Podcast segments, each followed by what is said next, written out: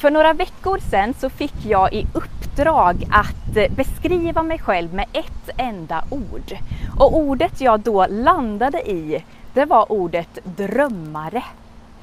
För ända sedan jag var liten så har jag drömt mycket, drömt stort, haft livlig fantasi. Jag har levt mig in i olika människors liv, jag har levt mig in i olika karaktärer och fascinerats över olika livshistorier. Och så är jag något av en dagdrömmare. Ibland kan det vara så att min man Samuel får ropa på mig både fyra eller fem gånger innan jag hör när jag sitter liksom i andra tankar. Och då brukar jag säga att jag har ett rikt inre liv. Det händer mycket här inne. Att drömma, det är bra. Att ha drömmar och visioner, det är något bra. Det visar att man har framtidstro och att man vill något mer. Och en person i Gamla Testamentet beskrivs som drömmarnas man och det är ju Josef. Och eh, det är honom jag har tänkt att predika om idag. Och vi får följa Josef från det att han är 17 år gammal. Vi kan läsa om Josef eh, i Första Moseboken kapitel 37 fram till kapitel 50, så det är en ganska lång personskildring som eh, som vi kan ta del av. Och Josef var Jakobs son. Han var barnbarn till Isak. Han var barnbarnsbarn till Abraham. Och Jakob blev ju urfaden till Israels folk. Han kallades ju även Israel. Och Josefs bröder och Josefs två söner faktiskt får ju bli stamfäder för de olika stammarna i Israel. Och vi kan läsa att Josef var Jakobs favoritson. Han var sonen som Jakob hade fått med sin älsklingsfru Rakel, för Jakob hade nämligen två hustrur och två bihustrur. Och alla visste om det här. Alla visste att Josef var Jakobs favoritson och hans tio äldre bröder hatade honom för det. Och det står att de inte kunde tala ett enda gott ord till honom. En dag späs detta på ännu mer. Josef får nämligen en väldigt dyrbar och fin högtidsdräkt av sin far. Och man skulle kunna tänka sig att Josef skulle eh, kunna vara lite försiktig med vad han säger för att inte reta upp sina bröder ännu mer. Men när han får en dröm, då samlar han ihop alla bröder och så börjar han tala om den. Och vi kan läsa om drömmen i Första Mosebok kapitel 37, vers 6. Då står det så här. Han sa till dem, Hör vilken dröm jag har haft. Vi var och band kärvar på åken. Då reste sig min kärve upp och blev stående och era kärvar ställde sig runt omkring och bugade sig för min kärve. Men hans bröder sa till honom, ska du bli vår kung? Ska du härska över oss? Och de hatade honom ännu mer på grund av hans drömmar och det som han hade sagt. Sen berättar han om en liknande dröm. Om att solen, månen och elva stjärnor bugar sig för honom. Och i och med den andra drömmen så blir till och med hans far Jakob arg det verkar som att han har ändå hållit honom om ryggen fram tills nu, men nu blir han också arg. Men så står det ändå att hans far inte kunde glömma vad han hade sagt och att Jakob bevarar orden i sitt minne, i sitt hjärta. Och här tänker jag på Jesu mamma Maria som begrundade och bevarade orden i sitt hjärta efter det hedarna hade berättat att änglarna hade sagt om Jesus i och med hans födelse. Och det här tycker jag är intressant, för det är som att trons människor bevarar sånt i sitt hjärta som de ännu inte förstår, men som de i sinom tid tror att Gud ska uppenbara för dem.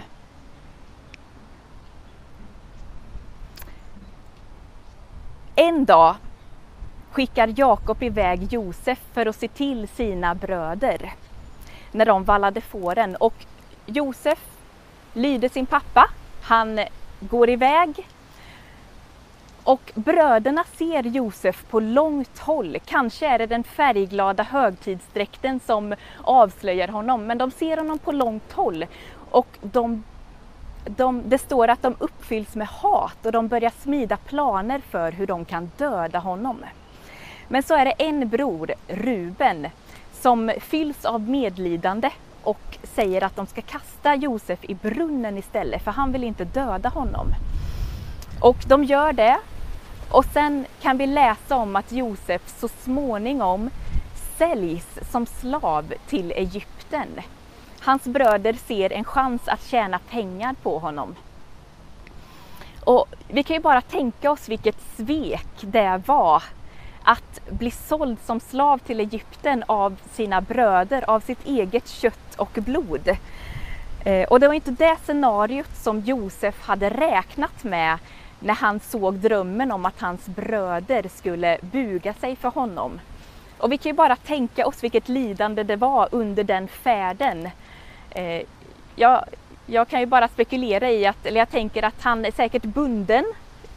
Armarna, kanske fötterna är bundna och han får gå eh, långa sträckor, kanske han får göra. Så att den här färden till Egypten är, eh, tror jag, ett enda stort lidande för honom.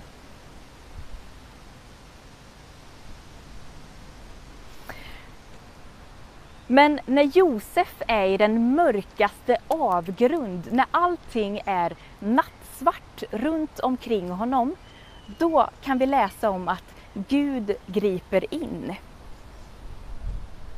Och jag tror nämligen så att våra motgångar, de eh, allra mörkaste perioderna i våra liv, ofta gör så att vi blir mer mottagna för Guds plan i våra liv och hans närvaro i våra liv. Det är som att när vi inser att det enda halmstrå vi har att gripa efter är Jesus, så kan han börja arbeta med oss på ett djupare plan. Och jag kan bara gå till mig själv och till mitt liv. Eh, utan den tuffaste perioden i mitt liv då vi hade fått vårt andra barn och jag fick en stor oro, ångest och en andlig kamp.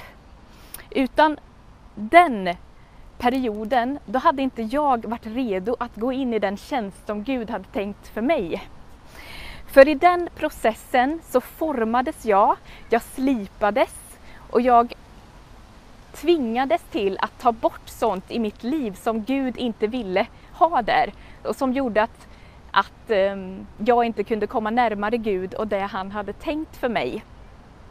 Han gjorde mig redo och utrustade mig inför det som komma skulle. Och för det är jag evigt tacksam.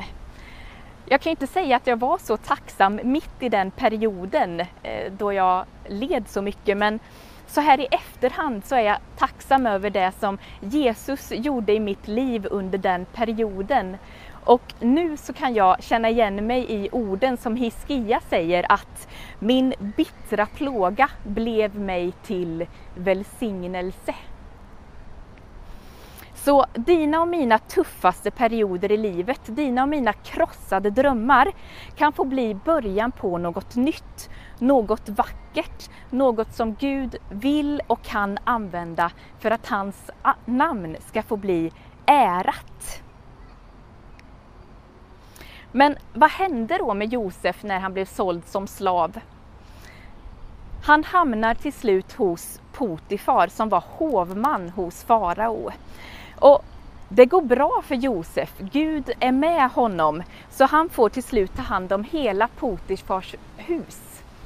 Men sen, en dag så anklagas han falskt för att ha eh, våldtagit Potifars fru och det leder till att han hamnar i fängelset.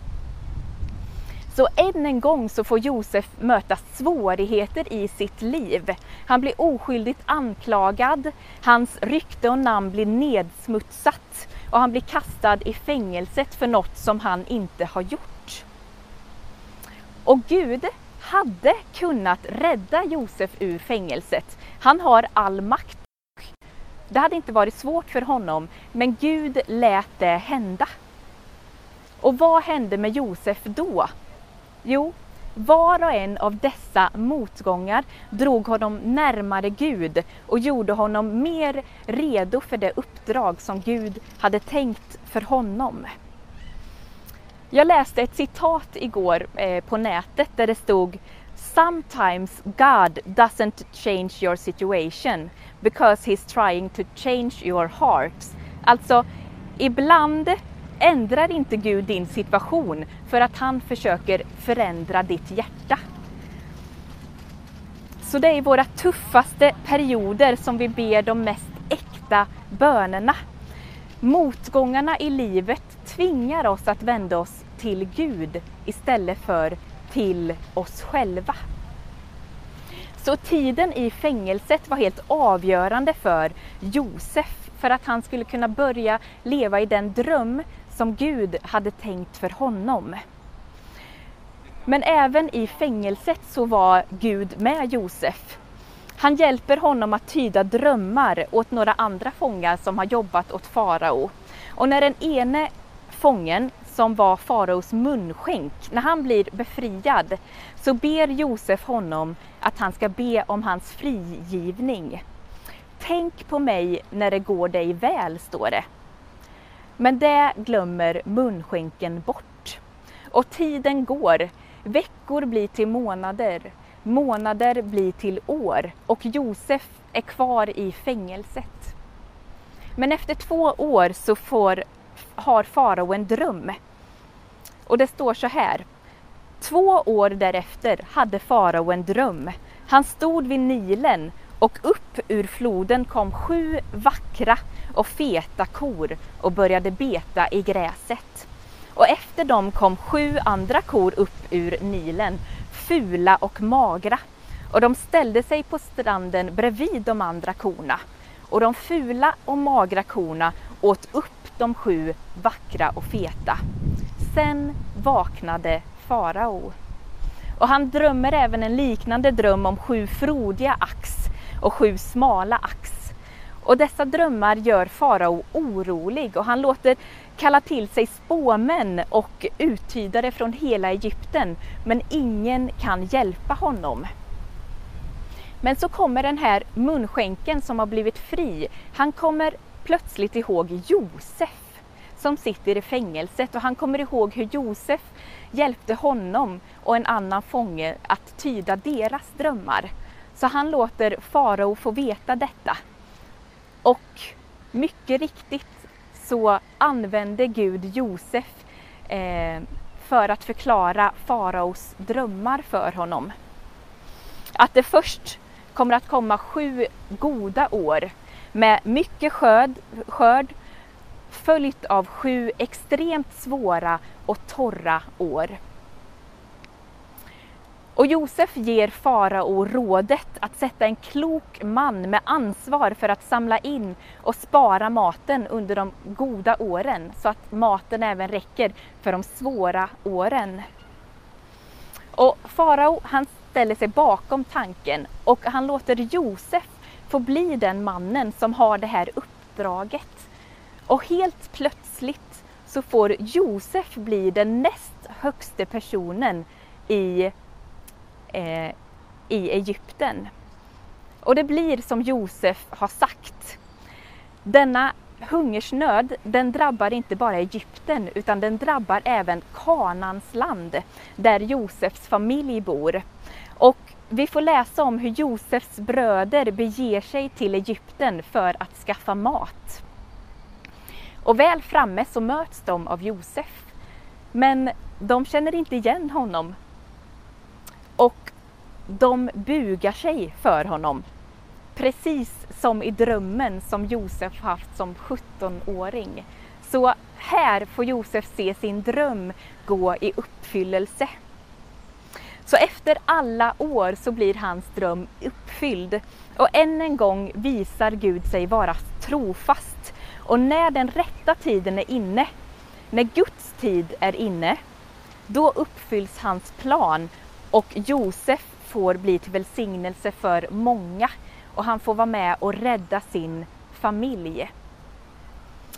I Första Mosebok 50, vers 20-21 så kan vi läsa Ni menade ont mot mig, men Gud har menat något gott genom det för att bevara många människor vid liv. Så var inte rädda. Jag ska sörja för er och era små barn. Och han tröstade dem och talade vänligt till dem. Och vad blev lösningen för att Josef eh, skulle slippa ur fängelset? Det var ju hur han hanterade situationen mitt i motgången.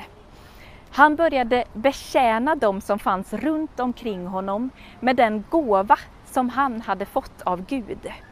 Så mitt i motgången, mitt under svåra omständigheter, så valde Josef att tjäna Gud och betjäna andra.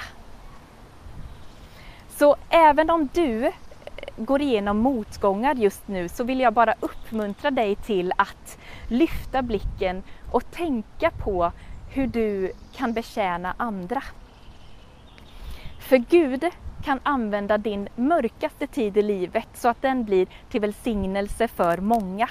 Och kanske kan du använda din livshistoria, din berättelse, dina erfarenheter för att hjälpa någon annan som är i liknande situation som du och som behöver stöttning. Så om du upplever svårigheter just nu så vet jag bara av egen erfarenhet att det, att det är lätt att tänka varför just jag? Men kanske är det så att frågan som du och jag ska ställa oss är Gud, vad vill du att jag ska lära mig? Tro aldrig att det är för sent för Gud han ska kunna använda dig på grund av något som du har gjort eller något som du har varit med om. För Bibeln är full av människor som gjorde felaktiga beslut men som Gud ändå kunde an använda för hans större plan. Guds syfte för våra liv är större än våra motgångar, lidanden och brustenheten, brustenheter. Och kanske är det så att din krossade dröm kan få bli din mest betydelsefulla dröm. Och till sist så vill jag bara ställa en fråga till dig. Vad har Gud lagt ner för gåva i ditt liv som du kan använda för att betjäna andra och på så sätt bli välsignelse för andra? Så det kan du fundera på. Och eh, har du frågor eller funderingar på det som du har upplevt idag eh, eller har du, vill du ge respons till oss på något sätt så tveka inte att höra av dig. Hör gärna av dig om, eh, om du har frågor eller vill bolla någonting med oss. Gud välsigne dig och din vecka. Tack för att du har varit med oss.